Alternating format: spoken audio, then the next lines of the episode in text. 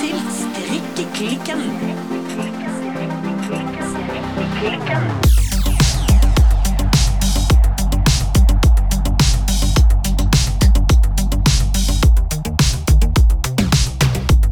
Hei, Silje.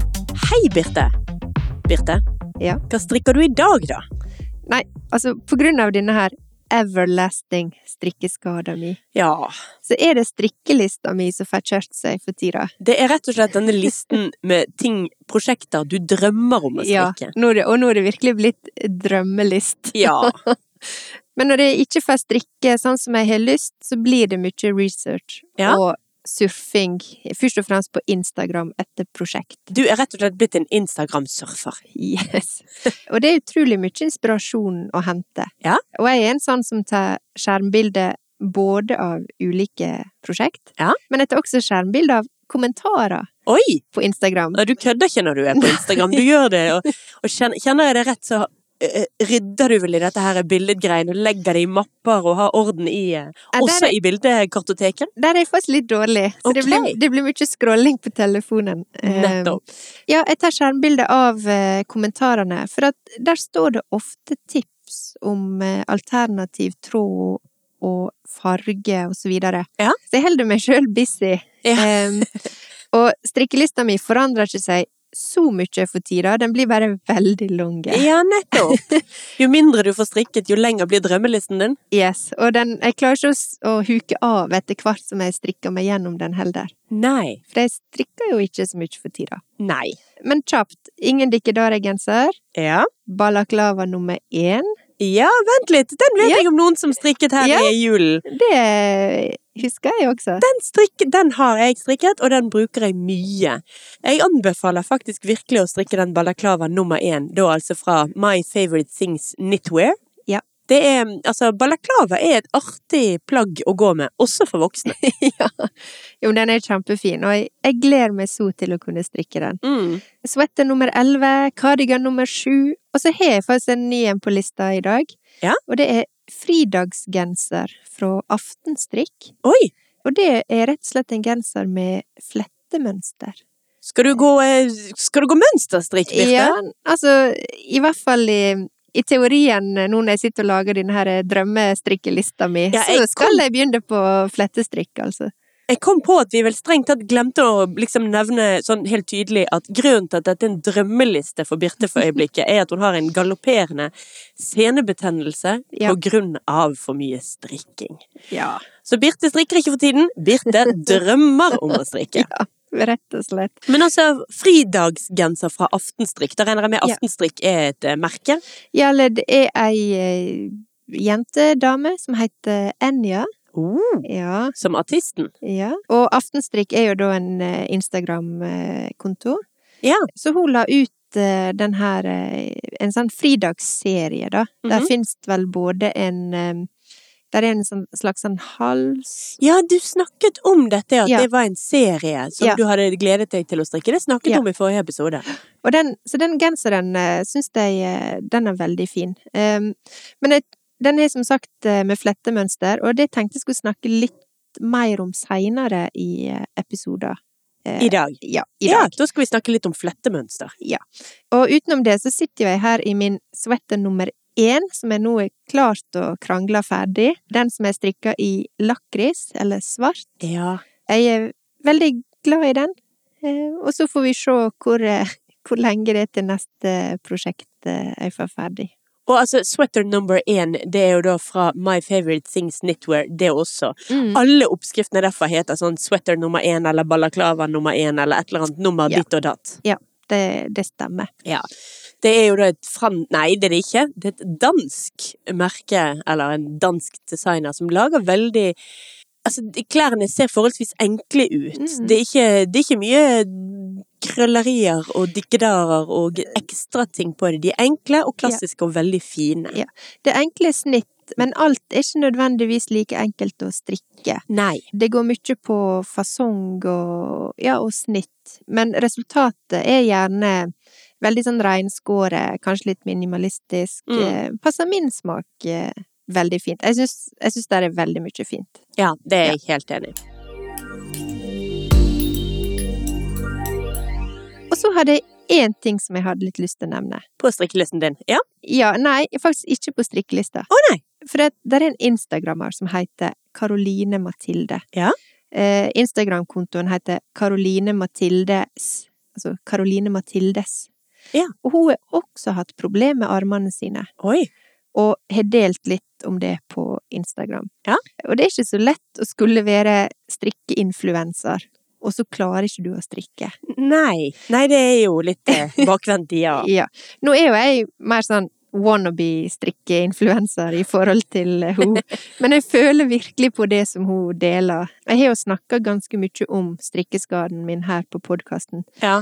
Men det er ikke så lett å skulle holde disse her eh, strikkehjula i gang når eh, armene bare skriker av smerte. Nei, selvfølgelig ikke. Og Uff. så har jeg så lyst til å komme i gang igjen, men så går det bare ikke. Men altså, poenget mitt, det kommer nå. Jeg håper at alle dere som hører på, og du Silje for så vidt også, har tålmodighet med meg i denne her skadeperioden. Og så lover jeg å komme sterkt tilbake. Absolutt. Men altså, jeg har jo etter hvert ei strikkeliste langt som et vondt år. Sånn cirka like lenge som jeg sikkert kommer til å slite med disse her eh, armene mine. Ja, men altså, sannheten er at du får jo strikket litt samtidig. Du sitter jo, som du sier, her i en helt ny genser. Ja. Nydelig for øvrig. Ja.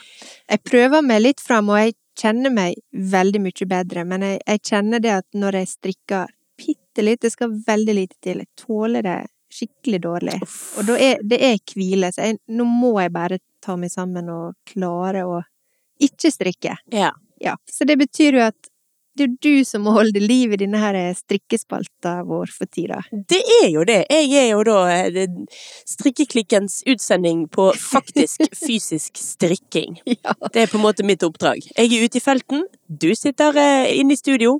Du gjør grovarbeidet. Ja. så Silje, hva strikker du på i dag? Jeg holder jo fremdeles på med denne Ella-genseren fra Rauma. Ja. Og den blir veldig fin. Det er det her boblemønsteret som jeg kaller det, som jeg jo har sett at andre kaller et bladmønster. Ja. Jeg liker å omtale den som bobleplastgenseren min. Det blir fint. Men kjære vene hvor mange feil jeg har gjort. Heldigvis er jo dette som sagt et boblete mønster. Mm. Sant? Den går ut og inn, du strikker sammen, og det øker og feller absolutt hele tiden, og da forskjellig sted på hver pinne. Ja. Så det er jo et mareritt av en telling, og jeg roter det til ganske ofte. Mm. Men også fordi at jeg går ut og inn og ut og inn, så skjules feilene ganske godt. Det er ikke Ja. som om det er en mønsterstrikket Marius-genser hvor du plutselig har forskjøvet et veldig tydelig mønster. Det ville vært mye en større katastrofe. Ja. Men så har jeg gjort en em, stor fadese som er litt artig. Ja. Det er jo fordi at Jeg har jo remja før om at det faktum at oppskriften er i fysisk format. Jeg har ikke den på telefon eller datamaskin. Det er utfordrende. Det er veldig utfordrende. Og jeg, har jo, jeg husker det var et par episoder siden jeg lovet at nå skulle jeg få tatt bilder av den oppskriften og slutte å miste den. Det glemte jeg selvfølgelig. Ja. As one does. Ja. Og mistet selvfølgelig oppskriften igjen. Men da hadde jeg lært meg å strikke det mønsteret i hodet, da. Så du har ikke oppskrifta? Jeg har funnet den igjen nå. Åh. Problemet er Nå har jo jeg strikket og strikket og strikket bare etter det mønsteret. Ja. Og så når jeg da fant dette mønsteret igjen Jeg holder nå på med bolen. og Den strikkes nedenifra og opp. Jeg er kommet over der hvor du deler inn til forstykke og bakstykke på grunn av armene. Mm. arme ermehulene. Så nå strikker jeg frem og tilbake på fronten, og det har jeg gjort ganske lenge, uten oppskrift. Eh, Nei. og nå viser det seg at jeg skulle gitt meg etter 15 cm, og jeg har strikket 25 cm! Oh. Så her har jeg 10 cm jeg må rekke opp igjen. Så du har rett og slett fått veldig masse overflødig eh, stoff eh, over brystkassa? Jepp. Jeg er klar for å vokse. Jeg har noe å vokse inn i. Så det var jo litt leit. Men Ja.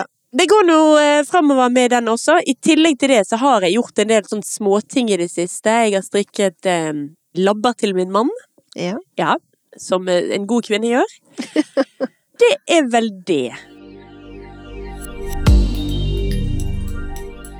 Men jeg har faktisk også en ting i dag på strikkelisten min. Wow! I know! Ja.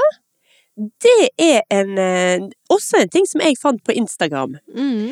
Det er en eh, dansk designer som heter Sanne Fjalland. Ja. Kjære Fjalland! Ja. Som la ut en nydelig kimono. Ja. Som skal, det skal komme oppskrift til den. Den var ikke klargjort ennå. Hun har tydeligvis eh, Strikket den, og så skal Ja. hun jobbe med den. En liten teaser. En teaser, og den Ja. så altså så fin ut. Så da var jeg inne også på nettsiden til eh, Sanne Fjalland. Og da er det et merke jeg gjerne vil tipse om det, eller en designer, da. Mm. Fordi vi snakker jo en del om litt sånn yngre designere som strikker kanskje enten veldig sånn rene ting, eller kanskje Mm. litt mer sprelske ting. Mm. Sånn at jeg har vært glad i Sandra Bakklund, og vi har nevnt eh, hun eh, Altså, Petinit er jo en gjenganger. er Og det My jo. Favorite Things Knit. Absolutt. Ja. Men her fant jeg en eh, designer som designer veldig gode kvalitetsplagg. Eh, Hun har strikkepakker, hun selger både rene oppskrifter, hun har også sitt eget garn, da Mm. blant annet med Lux Kashmir-garn. Oi, interessant. Mhm. Så det jeg tenkte når jeg så dette, var at dette var litt mer for den modne kvinne. Ja. Ja, og de vil jeg jo gjerne også ha med i gjengen vår. Ja. Så for de litt mer strikkeglade individer der ute som er i stand til å ta vare på dyrere plagg, og som er klar for å strikke litt dyrere og finere garn. Mm. For jeg anbefaler ikke en eh, 21-åring som skal miste cardiganen sin på fest, å strikke fra Sande Fjalland. Det er det rett og slett for dyrt og for fint til. Ja. Men jeg anbefaler folk som er i stand til å ta vare på klærne sine, å gå inn og så se på de oppskriftene, for der var det mye fint.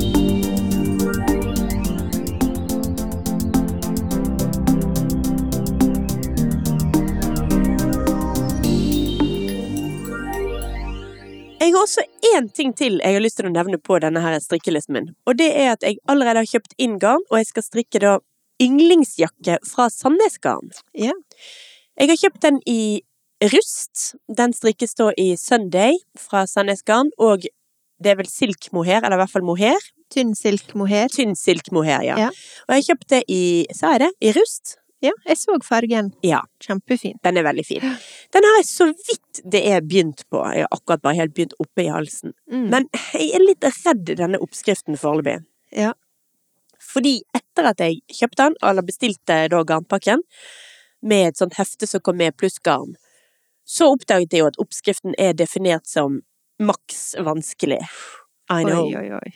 Den skal eh, strikkes i helpatent med V-hals. Oppskriften er Olaug Beate Bjelland. Og oppskriften, altså språket i oppskriften, Mm. er ikke det letteste. Nei. Så jeg skal absolutt prøve. Jeg håper dette vil gå. Men altså, når man kjøper sånne garnpakker fra Sandnes, så kjøper man, da får man med et hefte. Ja, for det var litt nytt for meg. Ja. Ja. Så da får man jo mange forskjellige oppskrifter, håper jeg, å si, for prisen av et prosjekt. Mm. Så hvis jeg skulle finne at denne her yndlingsjakke skulle ryke rett åt skogen, at det rett og slett bare ikke går, at jeg ikke får det til, Mm. da skal jeg istedenfor strikke Gina-genser, Ja. som er i samme hefte. Men det får jeg se på, det skal jeg selvfølgelig holde alle oppdatert. Men er den i samme tråd, eller må du da kjøpe ny tråd? Nei, jeg- da tror jeg jeg skiter litt i sannheten i oppskriften og tager hva man haver og Ja. Mulig jeg gjør litt om på ting, da. Det har jeg ikke helt bestemt meg for ennå. Men der er jo veldig mange oppskrifter der du kan bruke Sunday og mohair. Ja. Eh, Så jeg tenker det er jo ikke det verste å ha i garnlageret sitt. Nei, hvis det ikke er du jeg skal ikke redd bruke for. det, i hvert fall. Det er jeg ikke redd for i det hele tatt.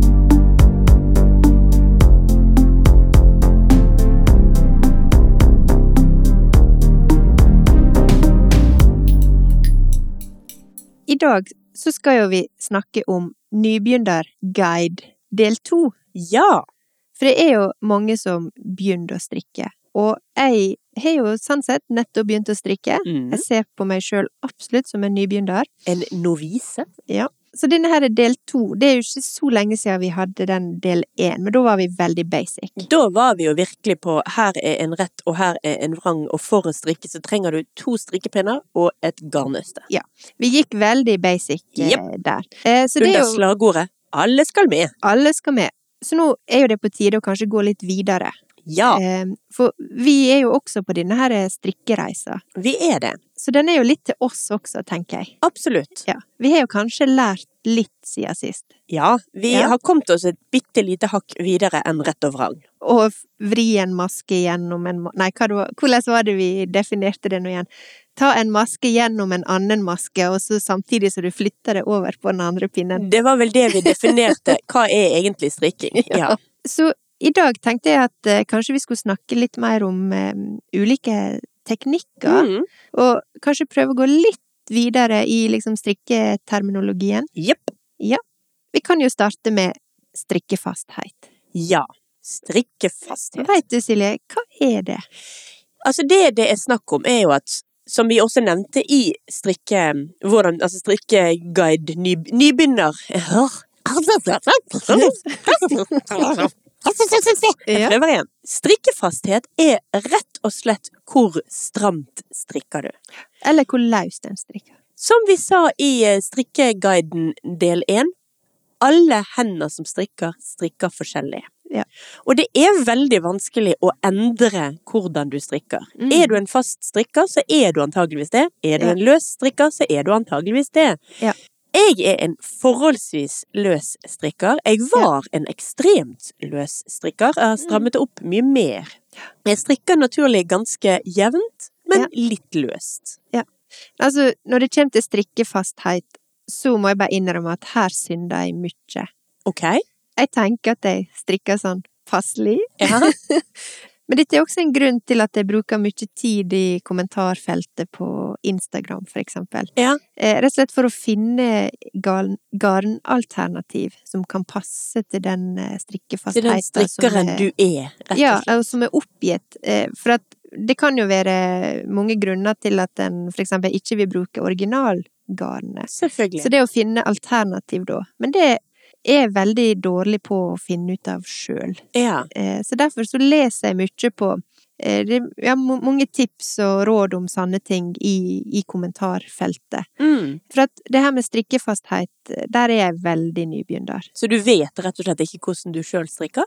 Nei, altså, jeg forstår det i prinsippet, men jeg syns det er vanskelig å følge. Og strengt tatt så veit jeg ikke helt hva jeg skal gjøre dersom jeg faktisk strikker en prøvelapp, for det gjør jeg av og til, Oi! men ikke alltid. Så der er jeg litt lat, og samtidig litt sånn ja, det går sikkert bra. Ja. Jeg må vel innrømme at jeg i hele mitt liv aldri har strikket en prøvelapp. Det er rett og slett sant.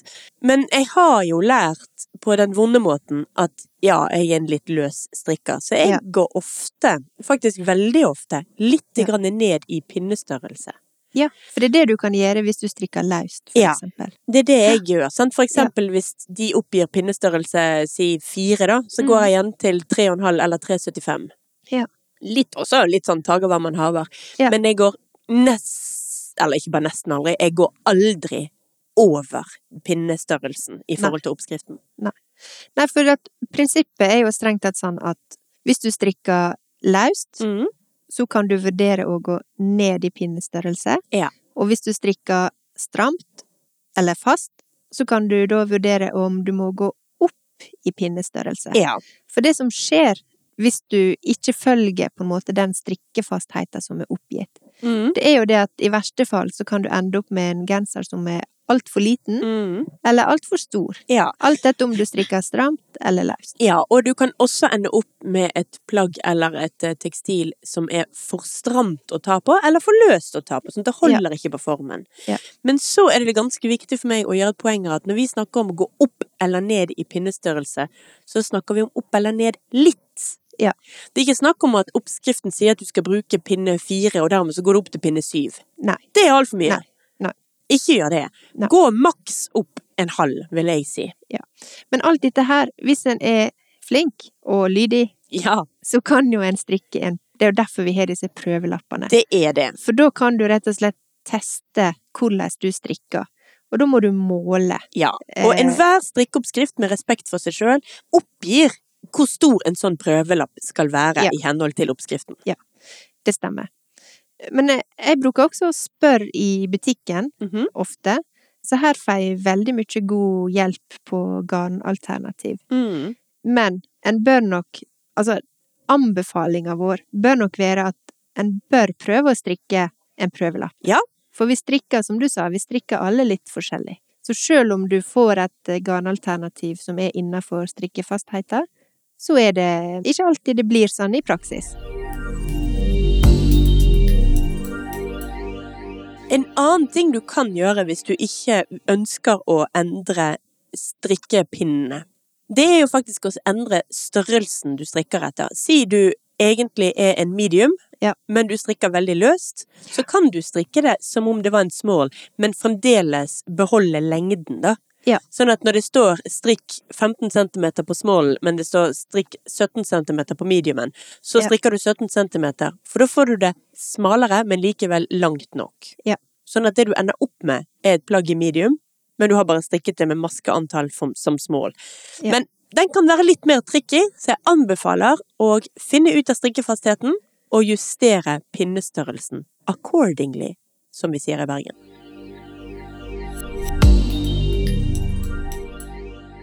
Men det var strikkefasthet. Det var strikkefasthet. Og så er det noe som heter løpemeter. Ja, Ja. fortell! ja altså, jeg er på tynn is her, for at disse tingene vi snakker om nå, det er ikke min sterkeste side, altså, i forhold til strikking. Men det er meter garn per 50 gram. Ja. Altså vanligvis er jo et nøste 50 gram. Ja. Du har mohair eh, litt eh, tynnere, som kan gjerne være på 25 gram. Mm. Så det sier noe om hvor mange nøster du må bruke dersom du ikke bruker originalgarnet. Mm. Nettopp. Men om du for eksempel må bruke flere nøster, så kan jo resultatet bli tyngre, Ja. og derfor litt annerledes enn det en kunne forvente fra oppskrifta. Ja. Så det handler ikke bare om at du må justere antall nøster, for eksempel, i forhold til denne her løpemeteren, Nei. Mhm. som kan variere bitte litt, ikke så veldig mye. Men det kan jo utgjøre et nøste eller to på ei oppskrift, for eksempel. Ja. Til eller fra, alt ettersom. Men vær obs på at ders, dersom du må bruke mer garn, så vil plagget bli tyngre. Det Eh, gjør det. Og det kanskje henger jo. sitt- Ja, kanskje sitte litt annerledes, eller henge litt annerledes enn det en kunne forvente. Ja, for å liksom ta ekstremvarianten, da. Hvis du skulle ha strikket en genser i mohair, og Ja. velger å strikke den i, eh, jeg vet ikke, heavy merino, Ja.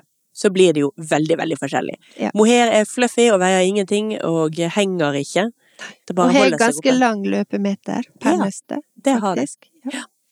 Men altså, i, igjen, jeg vet ikke om jeg nevnte det i stad, men altså, spør i butikken.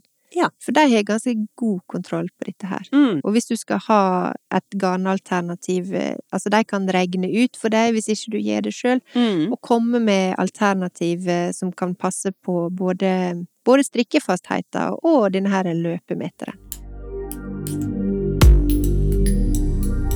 Hvis vi skal snakke mer om eh, strikketeknikker, Ja. så vil jo jeg si at det viktigste som jeg har lært meg, det er jo raglan. Raglan, ja. Ja. Det er en kjempeviktig teknikk når vi snakker om å strikke cardigan eller gensere eller i det hele tatt overdeler. For det er jo denne her eh, skråsaumen som du får på en måte fra halsen og ut mot eh, ermehullet. Ja, under erm... eh, Under armen, rett og slett. Ja. Der hvor det kiler mest. Så fra oppe i halslinningen og på skrå ut mot underarmen, der går en raglan eh, Heter det søm? Raglankant? Raglan... Ja, raglanmaske. Ja. ja. Altså, det er jo en veldig tilgi tilgivende teknikk. Ja. Fordi at eh, raglanskulder sitter veldig fint, og det, Det gjør det. legger seg fint over eh, skulderkappa. Mm. Så denne teknikken, eh, den har jeg faktisk brukt i alle genserne som jeg strikker. Så dersom du mestrer den, Og den er faktisk ikke så vanskelig. nei, den er enkel, så er det veldig mye fint du kan få på pinnene. Der er jo eh, i utgangspunktet to måter å strikke raglan på. Ja. Ovenifra eller nedenifra. Ja, og jeg har jo strikka alt jeg har strikka, har jeg strikka ovenfra og ned. Å ja. Sånn at eh, det som jeg har brukt Ja. og lært, det er jo raglan auke. Det er ja. Sant? Den andre varianten er da raglan felling. Ja. Det er de to. Men for så vidt egentlig resultatet per se når det er ferdig. Ja. Ser ikke så veldig annerledes ut om du har strikket det ovenifra eller nedenifra. Nei. Men det er ganske forskjellige måter å gjøre det på. For at hvis du strikker oppenfra og ned, Ja. da, skal, da markerer du raglanmasken, Mm, sånn som oppskrifta sier, og så øker du enkelt og greit med å lage en ekstra maske til høyre for raglanmasken. Mhm. Så strikker du raglanmasken vanlig, Mhm. eller rett, og så øker du igjen med en maske til venstre for raglanmaske. Ja. Og nå merker jeg at når jeg skulle beskrive dette her, hvor vanskelig det må være å skrive gode og forståelige oppskrifter, Ja. For dette var ikke så enkelt å forklare som jeg hadde tenkt inni hodet mitt. Nei. Men ei enkel oppskrift der du bruker raglan auke, og nesten kun det, det er for eksempel denne her Louisiana-genseren Fra Petinit. fra Petinit. Jeg kommer litt tilbake til den. Det er for at det er et perfekt begynnerprosjekt Mm. med relativt få teknikker som en trenger å kunne eller lære seg. Mm. Jeg tror det er mer snakk om Det er vel vrangbår, glattstrikk og raglanauke. Ja. Og så er det vel ikke verre enn det.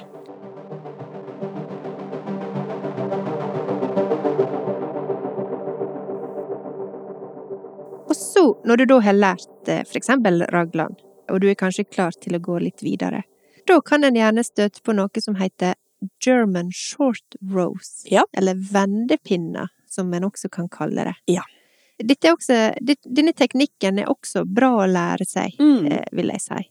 Det som vendepinnene gjør, er jo blant annet at halsen går litt lenger ned framme, Mm. altså bakstykket der med nakken. Og nå prøver jeg å forklare med armene her, det er ikke så lett å, å, å fortelle om dette her. Men altså at, at genseren blir liksom høyere bak i nakken, Ja. og mer utringa og rundere i halsen. Foran. Sant? Foran. Du Ja. kan se for deg at hvis plagget ligger eh, på gulvet, så kan du likevel se hva som er forstykket, og hva som er, nei, forsiden og hva som er baksiden. Mm. Fordi den går ned foran, og Ja. ikke bak. Og, så denne teknikken den gir rett og slett en litt sånn finere fasong. Mm. og ei bedre passform, sånn at ikke halsen bare går rett over framme. Mm. Men det er en ganske lett teknikk når en har forstått gangen i det. Ja. Og en ting som jeg merka, det var at jeg måtte stramme ganske mye når jeg skulle strikke på vrangsida av denne her, for å få det jevnt og fint. Ja, altså det man jo gjør er at man strikker bort til kanten, til halsen, og Mm. så snur man, og så strikker man tilbake der man kom fra. Ja. Og så holder du på sånn frem og tilbake. Du strikker bort til halsen, sant? for du strikker fra skulderen. Fra skulder, bort til hals, snur, tilbake igjen til skulder. Fra skulder, tilbake til hals, litt grann kortere nå, for du Ja. skal vel sakt, men sikkert. Ja, nå var jeg litt kortere der, for nå strikket jeg i mitt hode nedenifra og opp. ja. Da blir det selvfølgelig omvendt hvis du strikker oppenifra og ned. Men alle disse maskene og hvordan du skal telle det, og når du skal vende, det er jo angitt i oppskriftene. Ja. Men for du strikker fram og tilbake, og så vender du om, så du strikker rett fram, og så vender du og strikker vrangt tilbake. Mm. Og så strikker du da fram og tilbake til du har fått eh, for eksempel et bakstykke som da er litt, eh, litt høyere enn eh, enn framstykket. Mm. Og ei oppskrift som, eh, som har denne German short rose i seg, men som fortsatt er en ganske enkel eh, og fin genser, Mhm. det er jo denne Ingen Dikkedarer-genseren, Mm. fra også Petinit, som vi har snakka mye om. Men der bruker du Altså, der er det vendepinner, eller German short rose, og så er det raglan auke, Ja. for jeg strikker den oppafra og ned. Og ellers så tror jeg det er vel strengt tatt bare da vrangbord og glatt strikk utenom det. Ja. Så en fin genser med relativt få teknikker. Og vrangbår, det er altså da den kanten du har nederst på genseren, både gjerne ned på magen og på ermene. Og i halsen kan du også. Selvfølgelig. Glemte halsen. Ja.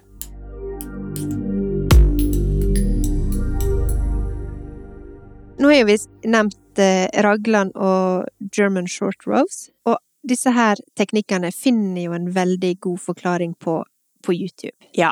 Ja. Der vises det, der forklares det, der, em, der forklarer man dette med raglan veldig tydelig. Så anbefaler jeg jo også å skrive et par sånne notater til seg sjøl, som for eksempel når jeg skulle lære med raglan, så knota jeg med å lære det, men ja, men hva var høyre øk, og hva var venstre øk? Nå Mm. igjen, nå er jeg altså Når jeg snakker om øking, så er det fordi jeg da har strikket nedenfra og opp, og ikke oppenfra og ned. Ja. Men for å klare å huske forskjellen Ja. på de. Så jeg, måtte, jeg husker jeg måtte skrive en sånn huskelapp som ble liksom akkurat sånn for meg. Jeg husker ikke hva jeg sto på den gang, men det var noe sånn høyre blir bakfra, eller høyre blir Jeg husker ikke engang. Ja. Men det var et eller annet sånt. Nei, men altså, det er et veldig godt tips, og jeg bruker alltid å printe ut eh, oppskriftene, og så noterer jeg i, i oppskrifta etter hvert som jeg eh, strikker meg gjennom den. Eh, om det er å notere omganger eller raglan auke. Det syns jeg er et veldig godt eh, tips. Jeg må alltid når jeg har med meg strikketøyet en plass, så må jeg, jeg må ha med meg oppskrifter, for jeg har gullfiskhukommelse når det kommer til strikking. Jeg må liksom bare lese det igjen og igjen og igjen, sånn at jeg er sikker på at jeg veit hva det er hen. Ja. Men gjerne også noen Post-It-lapper, sånn at jeg kan bare notere alle disse her omgangene og sånn på. Ja, Post-It-lapper eller notatblokker. Nå er det jo kommet flere sånn fine notatblokker på markedet, som, Ja. eh, som er faktisk strikkenotatblokker, som har Ja. en del ut av de standardtingene man gjerne trenger. Og det er ikke så dumt, det, for at eh, hvis en ikke bruker originalgarnet, for eksempel, kan det være lurt å vite hva var det jeg strikka den genseren Mm. i, for det, det er lett å glemme. Det er det. Det går ganske fort, faktisk. Ja. Og også hva størrelse en strikker i. Det Ja. merker jeg allerede, at jeg er litt sånn Hæ, hva størrelse var det jeg strikka den Ja, ja, ja. igjen i? Så det Ja. er fort å glemme Og det sånne kan jeg ting. glemme mens jeg holder på med et arbeid også. Mm, Ja. Hvilken oppskrift var det jeg egentlig fulgte på denne? Hvilken, ah, oh, hvor Ja. var jeg nå? Ja. Så det kan være kjempelurt. Absolutt. Ja, det er faktisk ikke så dumt, eh, akkurat det.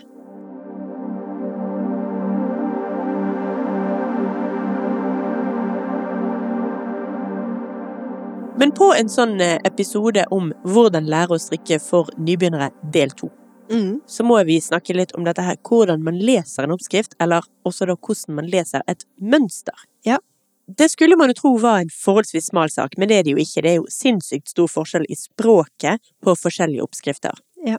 I julen her så strikket jeg da denne her balaklava nummer én fra My Favorite Things Knitwear. Mm. Den har nærmest litt for enkelt språk, for den forklarer alt du skal gjøre, omtrent maske for maske.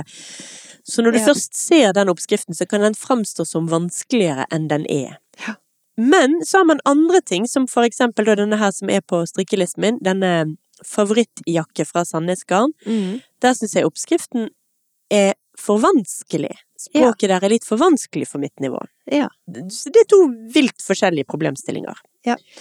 En ting som jeg har merka når jeg leser oppskrifter, det er jo selvfølgelig å konferere med andre. Ja.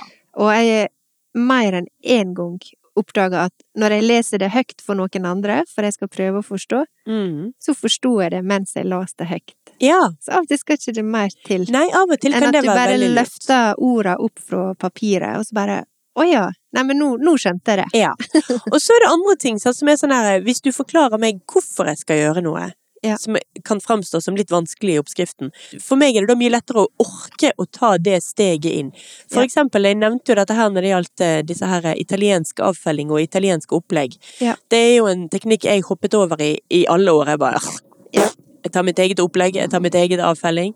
Ja. Før jeg kom over en forklaring som forklarte hvorfor denne Ja. er, teknikken er bedre. Og det er jo fordi at den da er helt elastisk i kanten. Ja. Og jeg trodde at det kunne jeg jo oppnå bare med å felle av eller legge opp veldig løst. Ja. Men det blir veldig mye penere ved å gjøre det med italiensk avfelling eller opplegg. Mm. Og nå, det tok sin tid, men nå har jeg automatisert den italienske avfellingen. Ja. Så nå er ikke den, den tar fremdeles litt lengre tid, men jeg slipper i hvert fall å tenke så ekstremt mye. Men altså, nå nevnte jo du eh, My Favorite Things Knitwear, og vi Mhm. nevnte Petit Knit, og det er jo, det er jo de to strikkedesignerne som jeg har strikka mest fra, Mhm. og som jeg kanskje Eller det er jo ikke feil å si at det er mine favoritter, men det er jo også fordi de er veldig gode på disse her begynneroppskriftene. Sånn at når jeg ser en mer sånn vanlig strikkeoppskrift, Mhm. eh, så er det fortsatt litt sånn gresk for meg, altså. Eh, Ja. Jeg syns det er litt skremmende, og ja. Så jeg, eh, jeg eh, Jeg skal komme dit, men, eh, men ja, jeg må bare si det sånn at eh, folk forstår hvorfor jeg liksom maser litt om dem. Men det er litt for at for min del så er det det nivået jeg er på. Helt klart. Men jeg må fortelle en morsom ting også når det gjelder å følge en strikkeoppskrift. Og nå snakker jeg da om mønsterstrikk. Ja. Fordi jeg har en søster som Mm. Hallo, Kaja. Og hun strikker ekstremt jevnt og fint og vakkert. Mm. Og når hun lærte seg å strikke, så var det første prosjektet hennes var en Marius-genser. Ja. Sant? Med to Noen tråder. begynte der. Noen begynner der. Kaja begynte der. Sant? Med to tråder, og eh, her er det tungen rett i munnen, og les mønsteret maske for maske, og tell og gjør det skikkelig. Ja. Og hun strikket den, og dessverre så ble den frastjålet. Jeg tror det var tredje gang hun brukte den, eller noe sånt. Forferdelig triste greier. Men hun strikker veldig pent. Ja. Men det som det viser seg i ettertid, altså lenge etter For Ja. nå skulle hun strikke seg noen votter i mønsterstrikk. Ja. Jeg tror det var Selbu. I hvert fall veldig fine med mønster. Mm. Så plutselig sender hun tekstmelding til meg. Når du leser et mønster, leser du det fra høyre til venstre eller fra venstre til høyre? Og jeg bare tenkte, ja, men du som har strikket så mye mønster, må jo vite dette. Ja. Det visste hun ikke. Nei. Det morsomme er at hun kun har strikket symmetriske ting. Ja. Så dette har hun sluppet unna som problem. Men hun har altså fulgt mønsteret helt feil. Ja. Fordi når du følger et strikkemønster, så strikker du altså fra høyre til venstre. Altså motsatt vei enn vi i Vesten leser en tekst. Motsatt leseretning. Rett og slett. Og det er jo fordi at vi strikker motsatt. Ja. Vi strikker fra høyre mot venstre. Mm. Og dermed så er oppskriften også den veien. Det her har ikke jeg tenkt på før. Nei, altså det morsomme er jo at du kan tydeligvis da slippe unna med å gjøre det omvendt, selv Ja. om du da egentlig strikker plagget baklengs. Ja. Men selvfølgelig, hvis du da ikke strikker symmetriske ting, Mm. så blir det helt feil. Ja.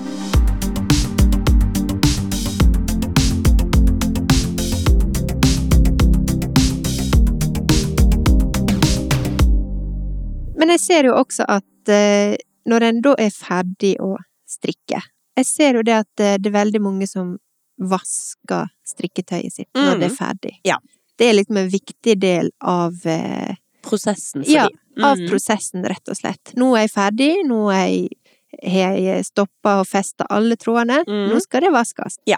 Der synder jeg også. Ja. For det bruker ikke jeg å gjøre. Nei, det gjør jeg ikke heller. Hvis jeg da vet at det har ligget nederst i en veske og er liksom utrivelig, Jo. så vasker jeg det jo selvfølgelig. Ja. Men hvis jeg nå ser vekk fra sånne ting, hvis det har vært, si for eksempel jeg har strikket en lue som har ligget på stuebordet mens jeg har sett på TV eller whatever, hva er noe han har gjort, og det er Ja. der det strikketøyet har vært. Ja. Da vaskes ikke det før det, før det tas i bruk, altså. Nei, jeg vasker heller ikke. Og det er jo også litt fordi at eh, Jeg tror kanskje at jeg vasker eh, for eksempel ull eller ullgensere relativt ofte. Ikke hver gang jeg bruker dem, men eh, hvis jeg har det rett på huden en Mm. dag, så må jeg vaske den. Ja, Hvis ikke jeg har noe under. Ja, nå snakker du om genser og sånt, Ja. eh, men altså jeg er mer som i, ja, mye ut av ulltøy og ullgreier er jo mer ytterplagg. Ja. Det er luer, det er labber, altså, så snakker jeg ikke om de inner, eh, innertykke labbene, men nå er jeg på de yttertykke labbene. Det kan jeg ta det litt rolig med å vaske. Det er jo Ja. også noe med at ull holder seg rent Ja. mye lenger. Det, det, skiten trekkes ikke inn i fibrene på samme måte som det gjøres med andre tekstiler. Nei.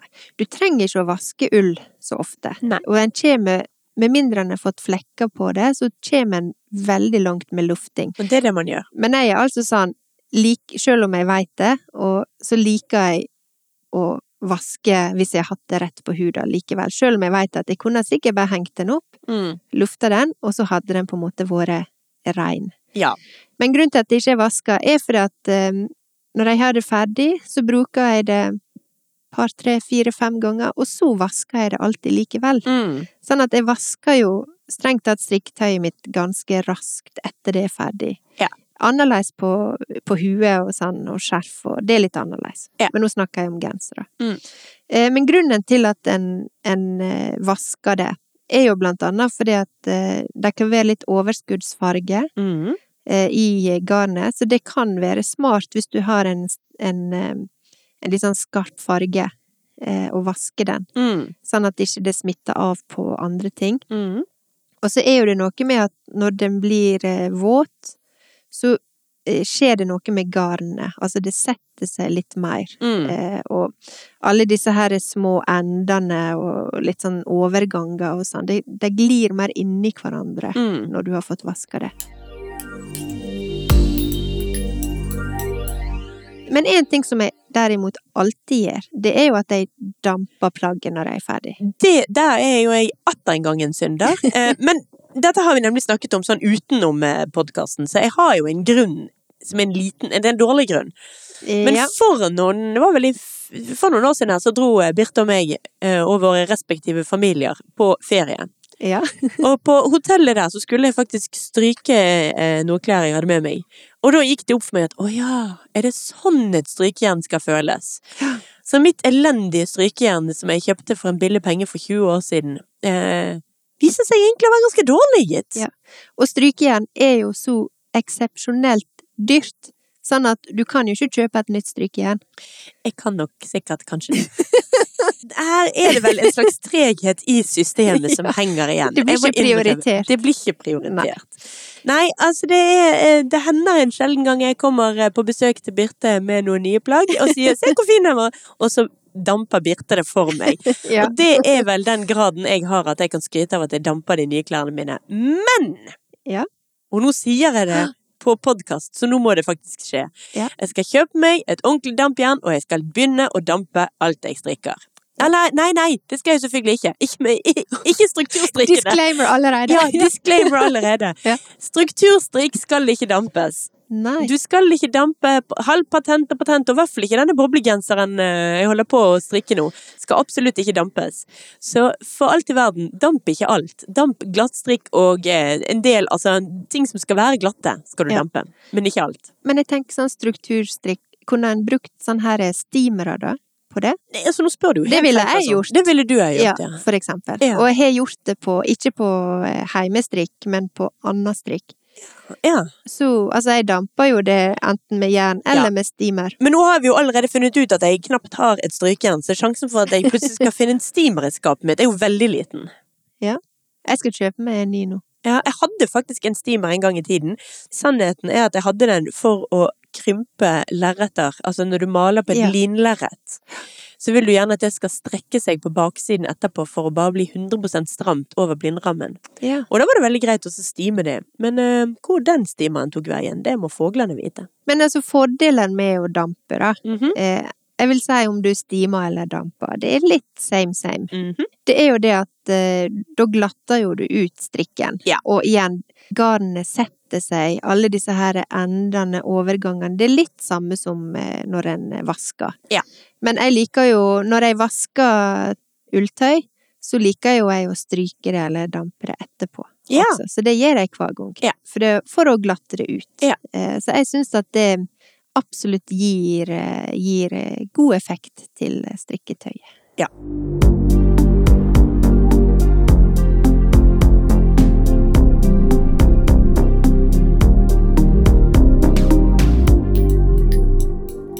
Men nå har vi jo en spalte som vi ikke kan hoppe over, nemlig Strikkeklikken anbefaler. Ja. Hva har du lyst til å anbefale i dag, Birte? Altså, jeg har ganske nylig kjøpt meg en bok som heter Strikk. Ja, det, var, det var veldig enkelt navn. Enkelt og greit. Eh, Det er i utgangspunktet ei dansk bok, eh, så jeg har sett den litt eh, rundt omkring på Instagram. Men altså boka Strikk av Lene Holme Samsø og Charlotte Kåe. Ja. Det er ei bok på rundt 270 sider.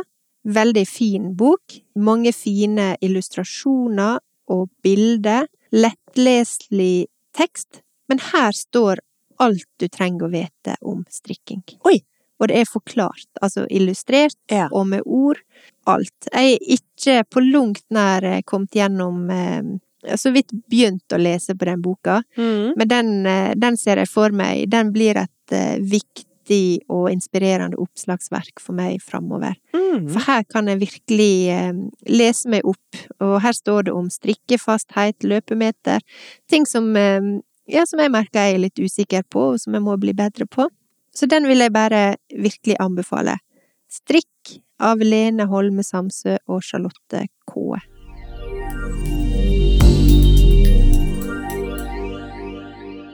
Og du da, Silje? I dag har jeg en anbefaling, skråstrek anti-anbefaling. Ja. Ja. Jeg vil nemlig snakke litt om nettsiden ravelry.com. Ja, Eller som jeg pleier å snakke om den, Ravelry. ja Ravelry. Ja, den er her stå. Ravelry. Ja.